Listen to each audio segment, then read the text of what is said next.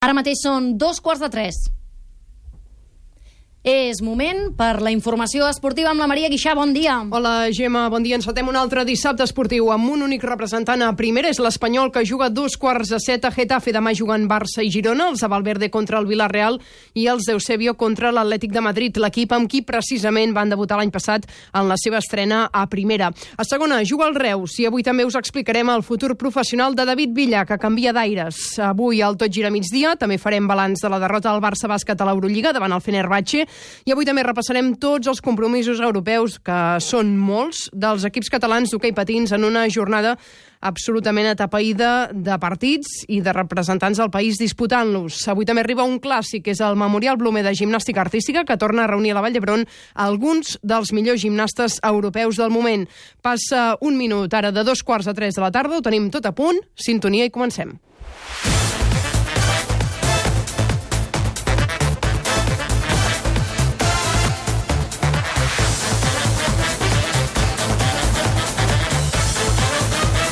Tot gira migdia amb Maria Guixà.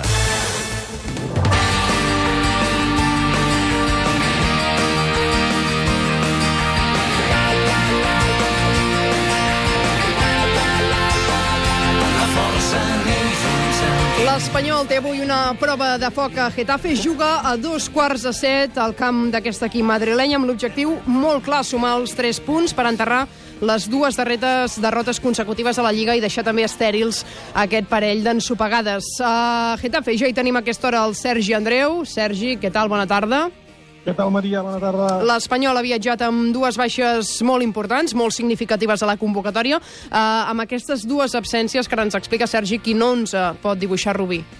Doncs mira, avui no hi seran ni Sergio García, lesionat als isquiotibials, per tant, serà absent durant dues o tres setmanes, i tampoc Marc Roca, que és baixa per una gastroenteritis, ha estat tota la setmana amb febre eh, i amb gastroenteritis, i, i tampoc no hi és. A veure, eh, Marc Roca hi ha el dubte de si serà Víctor Sánchez, segurament serà Víctor Sánchez qui el substitueixi eh, al mig centre, al pivot, tot i que eh, també ha entrat a la convocatòria Alex López, el jove del filial que, diguéssim, ocupa aquesta posició natural de Marc Roca.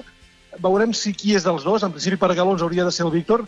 I Sergio García, segurament el substituirà Piatti a banda esquerra de l'atac, acompanyat per Baptistao i per uh, Borja Iglesias. Uh, són els únics dos canvis que s'esperen a l'11 de Rubi.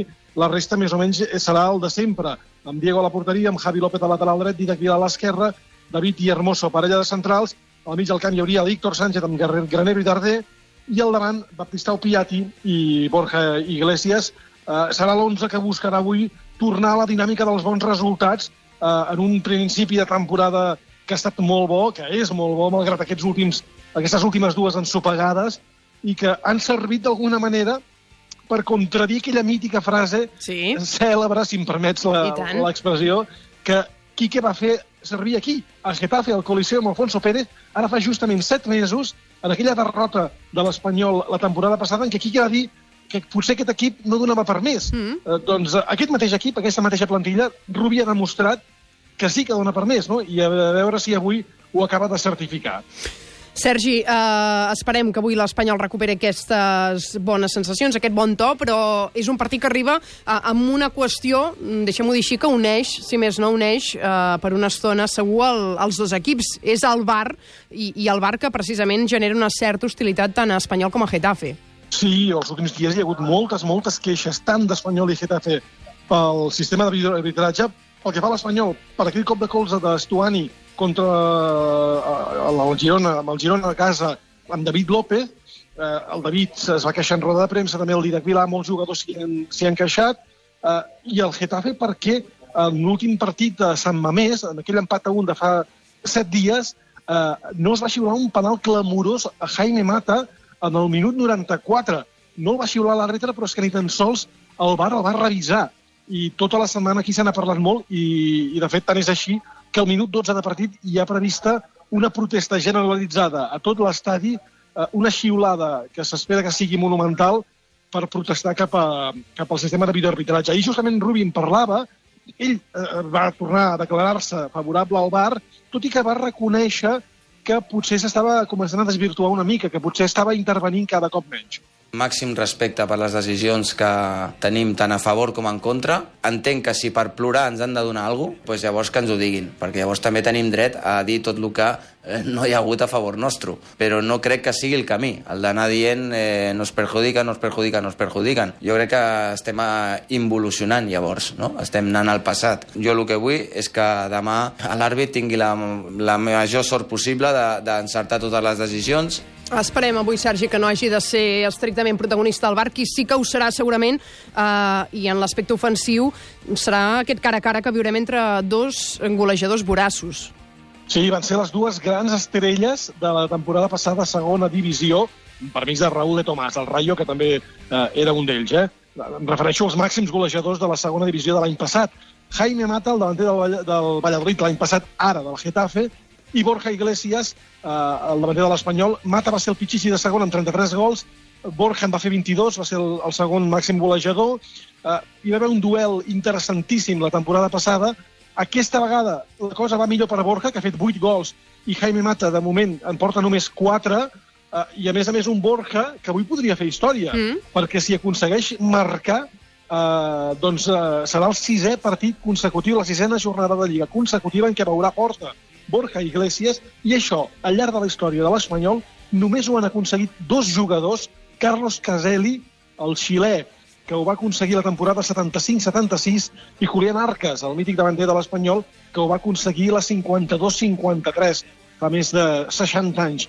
Per tant, avui, Borja Iglesias, que ja du 8 gols, si marca algun, doncs pot fer història amb aquesta ratxa de 6 jornades consecutives marcant. Tant de bo li vagi bé a ell i a l'Espanyol aquest partit a Getafe a dos quarts de set. És l'únic representant l'Espanyol que juga avui. Demà juguen els altres dos catalans.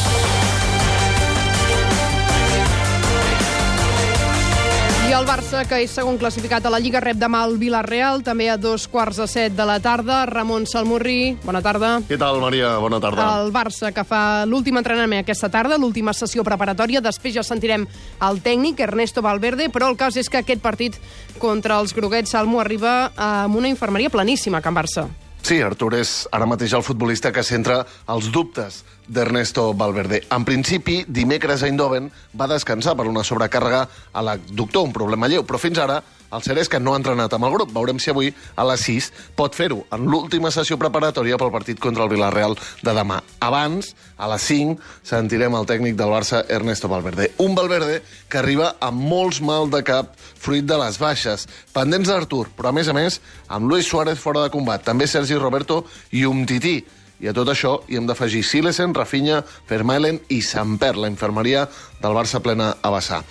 I tot això amb un Barça que arriba després de fer un partit just a Eindhoven, amb victòria. Això sí, un triomf que va servir per trencar una ratxa de 3 partits sense guanyar.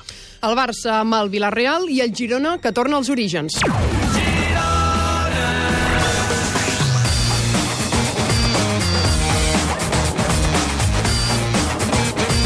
El Girona s'enfronta demà a partir d'un quart de cinc de la tarda amb l'Atlètic de Madrid, l'equip amb qui precisament va debutar la temporada passada a primera divisió quan es va estrenar a la màxima categoria del futbol estatal. Girona, Eduard Solà, bona tarda. Bona tarda, Maria. Els matalassers que tornen a visitar Montilivi trobaran un Girona reforçadíssim per la victòria de la jornada passada en el duel català contra l'Espanyol i seguint amb l'objectiu, amb l'ambició de plantar cara als equips grans. Sí, en Maria, i amb el record que, com deies, del debut a primera de la temporada passada a Montilivi, el Girona arriba amb bona dinàmica en aquest partit, perquè ve de sumar 11 dels últims 15 punts possibles i Eusebio ha dit aquest migdia que quan s'està en bona dinàmica doncs s'ha d'aprofitar. Estamos en buena dinámica, las buenas dinámicas hay que, hay que aprovecharlas y hay que poner todo para darles continuidad. Con lo cual, esto nos tiene que hacer estar muy, muy atentos, muy concentrados, de que tenemos que seguir con la misma mentalidad con la que estamos afrontando los partidos, confiando mucho en todo lo que hacemos y esa confianza, esa fe eh, nos tiene que hacer seguir sumando puntos, seguir ganando partidos. Ara ve el problema que s'ha trobat al Girona últimament són les lesions, ara concentrades totes al carrer a l'esquerra, ni Mojica, ni Adai, ni Planes, ni Muniesa poden jugar demà. Ja Eusebio ha reconegut que té dues opcions, o Granell o el jugador del filial Valeri, que ja va debutar a la Copa. He estado valorando dos posibilidades esta semana. ¿no? Una es la de colocar a Alex eh, Granel en esa posición, entendiendo que es un jugador que se puede adaptar perfectamente y que compite muy bien y que en cualquier posición se puede adaptar. Y la otra es eh, jugar con Valery, que es un jugador que ya en el Perelada ha, ha venido actuando en las dos eh, en los dos carriles y, y, ha rendido bien en esa posición, con lo cual se puede adaptar perfectamente. A la convocatòria que ha donat avui Eusebio destaca el retorn de Porto i Douglas en els llocs de Planes i Muniesa amb lesions musculars. A la llista hi ha 17 jugadors del primer equip disponibles, més Valeri del Paralada tot plegat, per rebre, com diu Eusebio, un rival nivell Champions. Conseguir superar a un equipo que compite muy bien.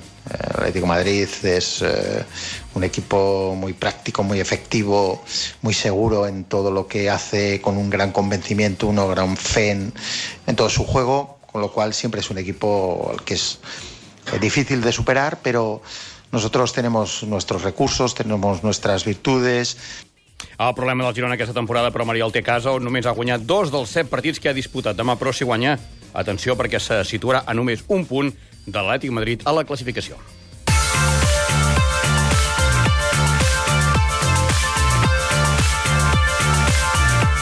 D'aquí a 3 minuts seran 3 quarts de 3 de la tarda. Xevi Soler, bona tarda. Bona tarda. Els rivals de Barça i de Girona de demà són el Villarreal i l'Atlètic de Madrid. També estan ja a la recta final d'aquesta posada a punt de la preparació. Com arriben? Doncs ara mateix podem tenir poques dades perquè ni Villarreal ni Atlètic de Madrid han donat les seves convocatòries. El Villarreal està previst que ho faci aquesta tarda, també que hi hagi la roda de premsa de Javi Calleja, l'entrenador. Al migdia sí que ha fet l'últim entrenament l'Atlètic de Madrid, però encara no tenim convocatòria. Sí que hem pogut sentir l'entrenador Matalacé, Diego Simeone. Si fem cas de les seves paraules, el que sí que podrem assegurar és que Diego Costa podrà jugar demà. Arrossega unes molèsties, però l'entrenador de l'Atlètic de Madrid ha confirmat que Diego Costa està motivat i que pot jugar en el partit de demà això sí, té moltes baixes en defensa. Una roda de premsa de Simeone curtíssima, només quatre preguntes, només una de les preguntes referents del Girona, i aquí sí ha aprofitat per lluar l'entrenador de l'equip gironí, Eusebio. El entrenador ha, encontrado buscar lo que mejor, como característica de futbolistas, eh, expresa el equipo que, que entrena, y eso habla maravillosamente de Eusebio. Venía con una idea diferente que lo había mostrado en San Sebastián, y ahora obviamente se enganchó a las características que tiene este equipo. Això serà demà, Xevi, aquests partits pel que fa als catalans. Una jornada primera que avui dissabte té pràcticament un marcador definitiu perquè és la recta final ja del Celta-Òscar. Minut 39 de la segona part, victòria clara del Celta que guanyarà el partit, enfonsarà més l'Òscar en la posició de descens. Celta 2, Òscar 0 i atenció, els dos gols de Iago Aspas, el davanter del Celta, fan que empati amb Cristian Estuani com a màxim golejador de la Lliga amb 10 gols. I, Xevi, la jornada es tanca al Bernabéu, un partit interessantíssim. Uh, S'enfronten Real Madrid i València. I avui, aquest migdia, tothom està pendent de la llista de convocats de Santiago Solari, l'entrenador del Madrid, on sí que hi és Isco. Tornen a aquesta convocatòria. Recordem que Isco es va perdre la convocatòria del partit de la Roma per una suposada falta de respecte del jugador Solari. Això sí, són 20 jugadors els que ha convocat Solari i n'haurà de descartar doncs, a dos abans del partit. Qui sap si un podria ser Isco. Creo que es un tema que no, que no da más de sí. Yo el otro día respondí y les dije que son decisiones, decisiones puntuales. I, Xevi, per acabar, un apunt internacional, perquè el que continua portant cua és aquesta final de la Copa Libertadores que han de jugar River i Boca i que ja sabeu que no jugarà l'Argentina, sinó Madrid. I porta cua perquè, com gairebé sempre, l'exjugador Diego Armando Maradona ha tornat a posar el focus de l'actualitat i, com gairebé sempre, per unes declaracions del tot impresentables. De nou, així parla Maradona del president de la Comebol, Alejandro Domínguez. ¿Qué carajo tengo que ver yo si mi familia quiere ver un partido de Boca River y tengo que llevarla a Madrid? ¿Pero qué somos? ¿Qué somos? ¿Todo Macri somos? ¿Eh? ¿Sabes lo que cuesta eso? El hijo de puta, poner seguridad y, y hacerlo, hacerlo en, en Vélez. Maradona que sempre es queda ample i satisfet. No comentem. Quan parla. Tres quarts de tres de la tarda. Parlem de la segona divisió perquè avui juga el Reus. Un Reus que ara és en zona de descens, a dos punts de la permanència, que rep el Mallorca a les 6, al municipal. I Xavi Palau, bona tarda. Què tal, Maria? Bona tarda. L'equip immers en aquesta situació convulsa a nivell institucional necessita en l'aspecte esportiu sumar per veure si almenys comença a fer passos per anar aclarint la situació. Sí, perquè de moment, Maria, les dades són clares i explícites. Si parlem de la vessant esportiva, el Reus fa sis jornades que no guanya i només ha sumat un punt dels últims 15 disputats. Va ser precisament el municipal l'empat a casa contra el Lugo. A nivell més enllà de l'esportiu, a nivell social, la plantilla fa dos mesos que no cobra, tampoc la resta de treballadors de l'entitat, i el màxim accionista, Joan Oliver, està pendent de tancar una operació de venda de les seves accions. Fa dies que s'especula amb diverses operacions, sembla que la que té més forma i és més sòlida podria venir de Qatar. Però, de moment, a dia d'avui, el propietari continua sense tancar aquesta venda. Recordem que per llei els jugadors quedarien lliures si fa 3 mesos que no cobren les seves nòmines. Els pròxims dies són clau per saber cap, eh, quina, cap a quina direcció pot derivar tot plegat, perquè de moment fa dues nòmines que els jugadors del Reus, la gent del Reus, en definitiva, no cobra les seves nòmines. Tornant al partit, el més positiu pel Roig i Negres, la tornada 8 mesos després del davanter David Querol. Amb aquesta alta ja no hi ha cap lesionat a la infermeria del Reus. Això és una bona notícia. El tècnic també recupera el central Jesús Olmo, absent el Carlos Tartiere, i d'aquesta manera Bartolo disposa de tota la plantilla tenint en compte la falta d'efectius del primer equip per culpa de tot l'enrenou amb el límit salari salarial. Ara el Reus ha de jugar 3 dels 4 partits que li queden abans de l'aturada per Nadal a casa, un fet que hauria de fer valer amb la condició de local i tenint l'afició al costat. Del rival a Mallorca, Maria, et diré dues dades. Novella segona aquesta temporada, després del seu pas per la segona B. Els illencs estan fent una gran temporada amb Vicente Moreno a la banqueta, l'ex del Nàstic.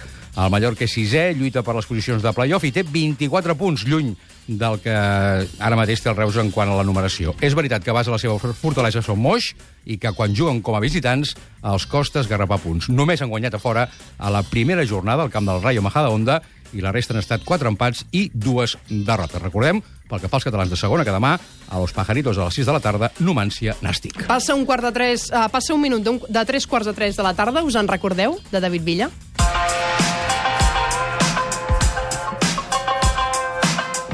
Hola Japón. Hola Vissel Kobe. Vamos a disfrutar del fútbol juntos. Albert Benet, bona tarda. Què tal, Maria? Bona tarda. Canvi d'aires de David Villa, l'exjugador del Barça, que, si més no, el que ha volgut és ser original, en el fons segur, però en la forma no ha estat pas pioner. Eh, va fer molt, molt de mal Antoine Griezmann amb la famosa Decisión, eh, segur que ho recordareu, amb la polèmica inclosa de Piqué i tot plegat. El cas és que en pocs mesos hem passat de la decisió de Griezmann a la decisió de Villa, com si es tractés d'una estrella mundial que juga en un equip de màxim nivell. El davanter asturià de 36 anys ha anunciat que se'n va al Vissel Kobe japonès a través d'un vídeo difós per Twitter, un vídeo que comença així.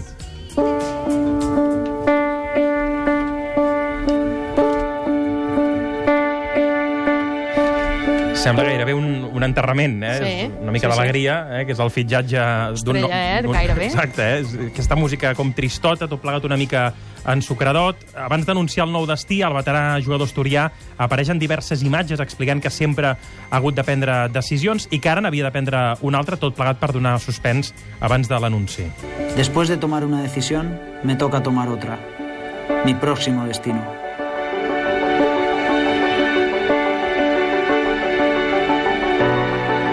Mis años de profesional he tenido que tomar muchas decisiones importantes. Para un deportista, las que se toman fuera del campo son las más difíciles. Y ahora me encuentro en este momento.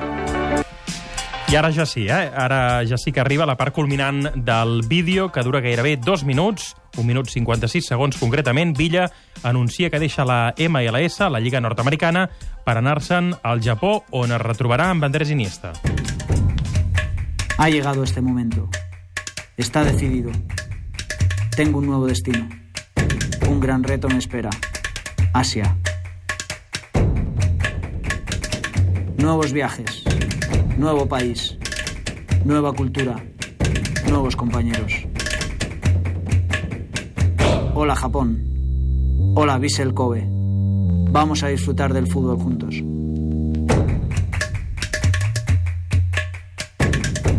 I amb aquella alegria, eh? Mm Mhm. Aquelles pauses dramàtiques. Eh, un Molt David zen, Villa... no? Molt zen. Sí, sí, eh, hi ha molt, molt japonès, no? Tot, tot ell. Eh, David eh, Villa, que ha vist en, en directe des de la llotja el partit del Vissel Kobe, que és el nou equip de, de Villa, partit d'aquesta matinada passada, en què, per cert, Iniesta ha marcat un gol eh, segurament per celebrar el fitxatge precisament del Waje, tres gols en 13 partits balanç d'Iniesta en la primera temporada al Japó.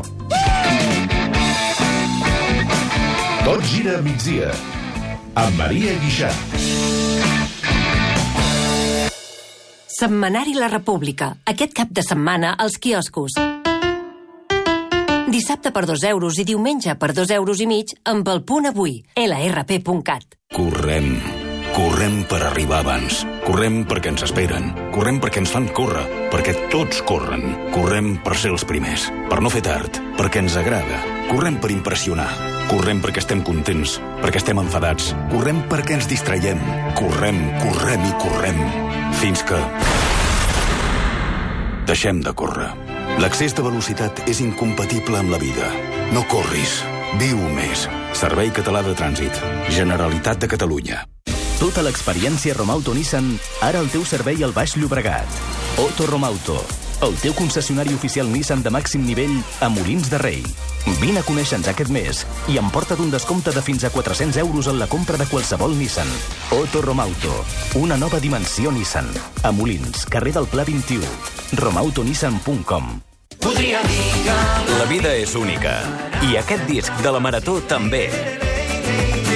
El disc de la Marató de TV3, a la venda només el diumenge 2 de desembre amb el teu diari al teu quiosc.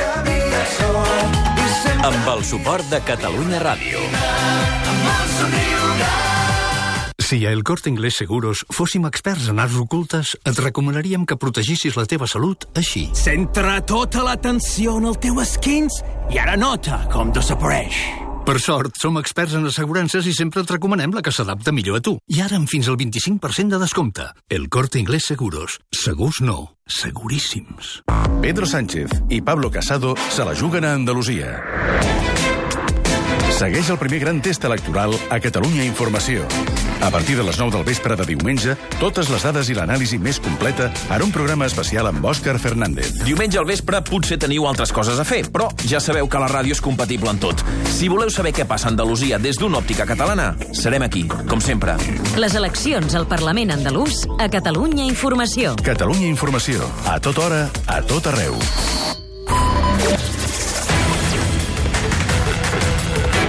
De temporades fent ràdio esportiva per tu. Kilian, benvingut a Barcelona. Moltes gràcies. Hola, soy Borja Iglesias y este domingo estaré en el Tot Gira. Borja, moltes gràcies per ser el Tot Gira. Un placer. Marc Bartra, com estem? Bona nit. Hola, bona nit. Heptacampió, el més jove de la història. Benvingut al nivell 7. m'agrada, m'agrada, m'agrada aquest número. Gol, gol, gol!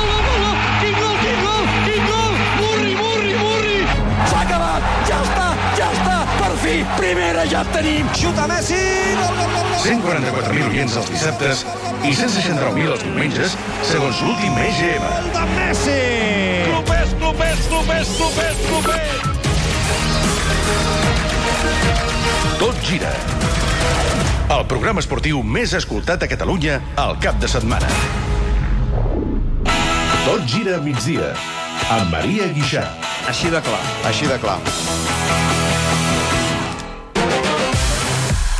8 minuts i seran les 3 de la tarda. De seguida, bàsquet. Abans actualitzem marcador a Vigo. Victòria del Celta per 2 a 0 davant l'Osca. Un Celta que se situa 11 amb aquest doblet de Iago Aspas. A 3 punts al Madrid, a 3 punts d'Europa. L'Osca, que segueix enfonsat a la cua de la categoria, és coès, últim classificat, amb 7 punts. Parlem de bàsquet, parlem amb l'Ernest Macià. Bona tarda. Hola, Maria. Obradovic ha guanyat la partida a Pesic i ahir el Barça va veure com Obradovic amb el seu Fenerbahce eh, frenava aquesta bona trajectòria de l'equip laurana, eh, malgrat aquesta ensopada, com ho hem de llegir, Ernest? Doncs com un bany de realitat, perquè el Fenerbahce ara mateix té un equip inabastable pel Barça. En circumstàncies normals aquest Barça no pot guanyar mai el Fenerbahce, a no ser que el Fenerbahce doncs, eh, es relaxi, el Barça l'agafi amb la guàrdia baixada, però bé, eh, ara que els equips es tornen a prendre aquest Barça seriosament, pot ser habitual que els grans doncs, tinguin més facilitats per guanyar el Barça i més difícil que el Barça els agafi en una situació complicada com ahir. Ahir el Fenerbahce va jugar bé els 40 minuts, es va veure un equip que respectava el Barça i no el va deixar en cap moment entrar dins el partit. Fins i tot quan el Barça es va costar nou, el Fenerbahce va tornar a posar la directa i no hi va haver res a fer. Tot i així, eh, no sé si perquè creuen que toca o perquè realment s'ho creuen, els jugadors del Barça fan autocrítica. Pierre Oriola, per exemple. Més sempre jo penso que es pot fer. El tema és que avui doncs, nosaltres no hem estat preparats ells ho han preparat millor que nosaltres, han estat millor físicament, han estat millor en l'1 contra 1, han estat millor en el 5 contra 5, en, en la defensa agressiva, en les línies de passe... Bé, van ser millors en moltes coses, però el cert, Maria, és que són millors perquè tenen més talent atlètic, més talent físic, i ja pots inventar-te sistemes que contra aquest Fenerbahce i amb, amb aquest Barça és difícil, no impossible, però pràcticament guanyar-lo. Eh, Zelko Bradovic, tot i així, al final del partit, sigui per sinceritat o atacat d'un brot de respecte pel Barça, doncs eh, segueix mantenint que aquest Barça és candidat a la Final Four. Yo creo que Barcelona tiene muchísima calidad y que es uh, un aspirante serio de estar en Frankfurt. De verdad creo en esto. Esto es solo un partido, como últimamente ha jugado partidos excepcionales contra, contra Milano y contra Real Madrid. Hoy ha salido partido así, pero para mí ellos siguen como candidato para estar en Frankfurt. I a veure, objectivament, si tenim en compte que de les quatre places, tres estan clarament definides, però en queda una, doncs sí, hi ha diversos equips, entre els quals Barça, que podrien tenir les seves opcions. El calendari que ve és complicat perquè després el Budognost, que aquest encara el pots guanyar, doncs arriben Efes, eh, Olympiacos, Madrid, un Bascònia que està ferit i que organitza la Final Four d'aquest any. Per tant, en aquest proper mes veurem l'abast real d'aquest Barça, tot i eh, el que vam veure ahir, no? que el Fenerbahce ens va posar a lloc. No marxis, perquè hem de parlar de futbol sala.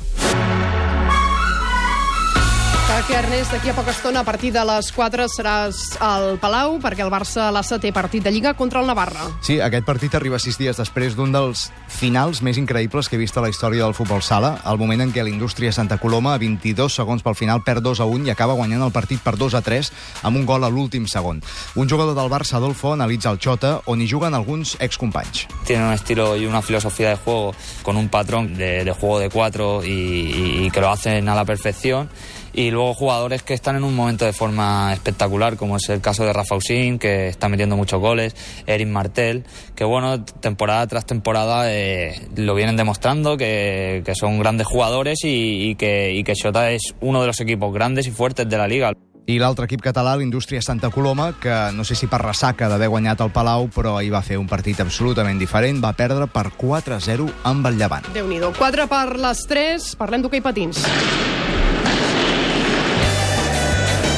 Avui és una jornada planíssima de partits amb equips catalans jugant a Europa, eh, coincidència fins i tot de competicions masculines amb femenines, i per tant, Montse Mir, bona tarda. Bona tarda. Hi ha nou partits en presència catalana, el Barça i el Noia juguen contra dos dels equips destacats a la Lliga Portuguesa, a l'Europa Cup hi ha un duel destacat entre catalans i els tres equips d'aquí que disputen la Lliga Europea Femenina també tenen ben encarrilats de moment l'accés als quarts de final. El Noia Freixenet rebrà el Benfica, el Barça buscarà reformar el lideratge del grup A a la de l'Oliveirense. Els blaugranes han guanyat els dos partits que han jugat fins ara i una nova victòria a la pista del quart classificat de la Lliga Portuguesa els permetria augmentar la diferència sobre el que en principi és el rival més complicat del grup. El blaugrana Joao Rodríguez destaca el nivell precisament de l'Oliveirense. Tienen 10 jugadores de alto nivel, eso es lo, lo primero. Tienen mucha calidad en, todo, en toda la plantilla, un equipo que, juega bien, una ciudad de, de hockey, eh, o sea que vamos a tener un, un buen ambiente en el, en el Palau. Y bueno, lo que queremos nosotros es con trabajo la victoria.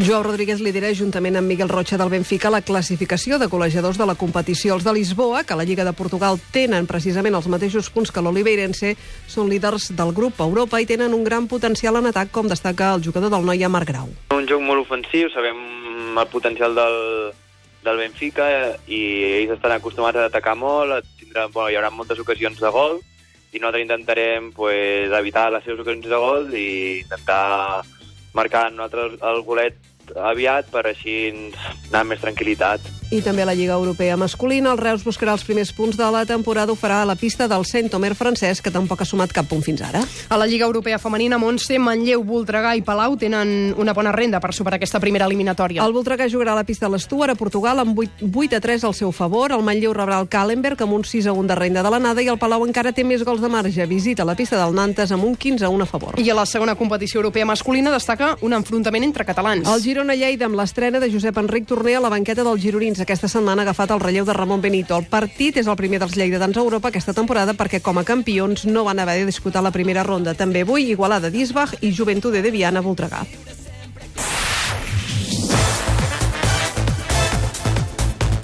Últim minut del Tot Gira Migdia per recordar-vos que avui a la Vall d'Hebron de Barcelona aquesta tarda es disputa una nova edició i ja en van 39 del Memorial Joaquim Blumet de Gimnàstica Artística. És el trofeu internacional Ciutat de Barcelona, com homenatge a la figura de l'ex-gimnasta Joaquim Blumet, mort al 59 en accident d'avió. I és una, una cita que es disputa cada dos anys i aquest any a partir de quarts de 5 de la tarda i fins a les 8 a plega els millors gimnastes del país. També n'hi haurà d'internacional, gent que ha fet medalla al Mundial de Doha, que s'ha disputat recentment, tot plegat ho viurem de 4 a 9 del vespre, el tot gira amb el David Clopés, per tant, un bon dissabte farcit de mil i una coses esportives. Adéu-siau, fins demà.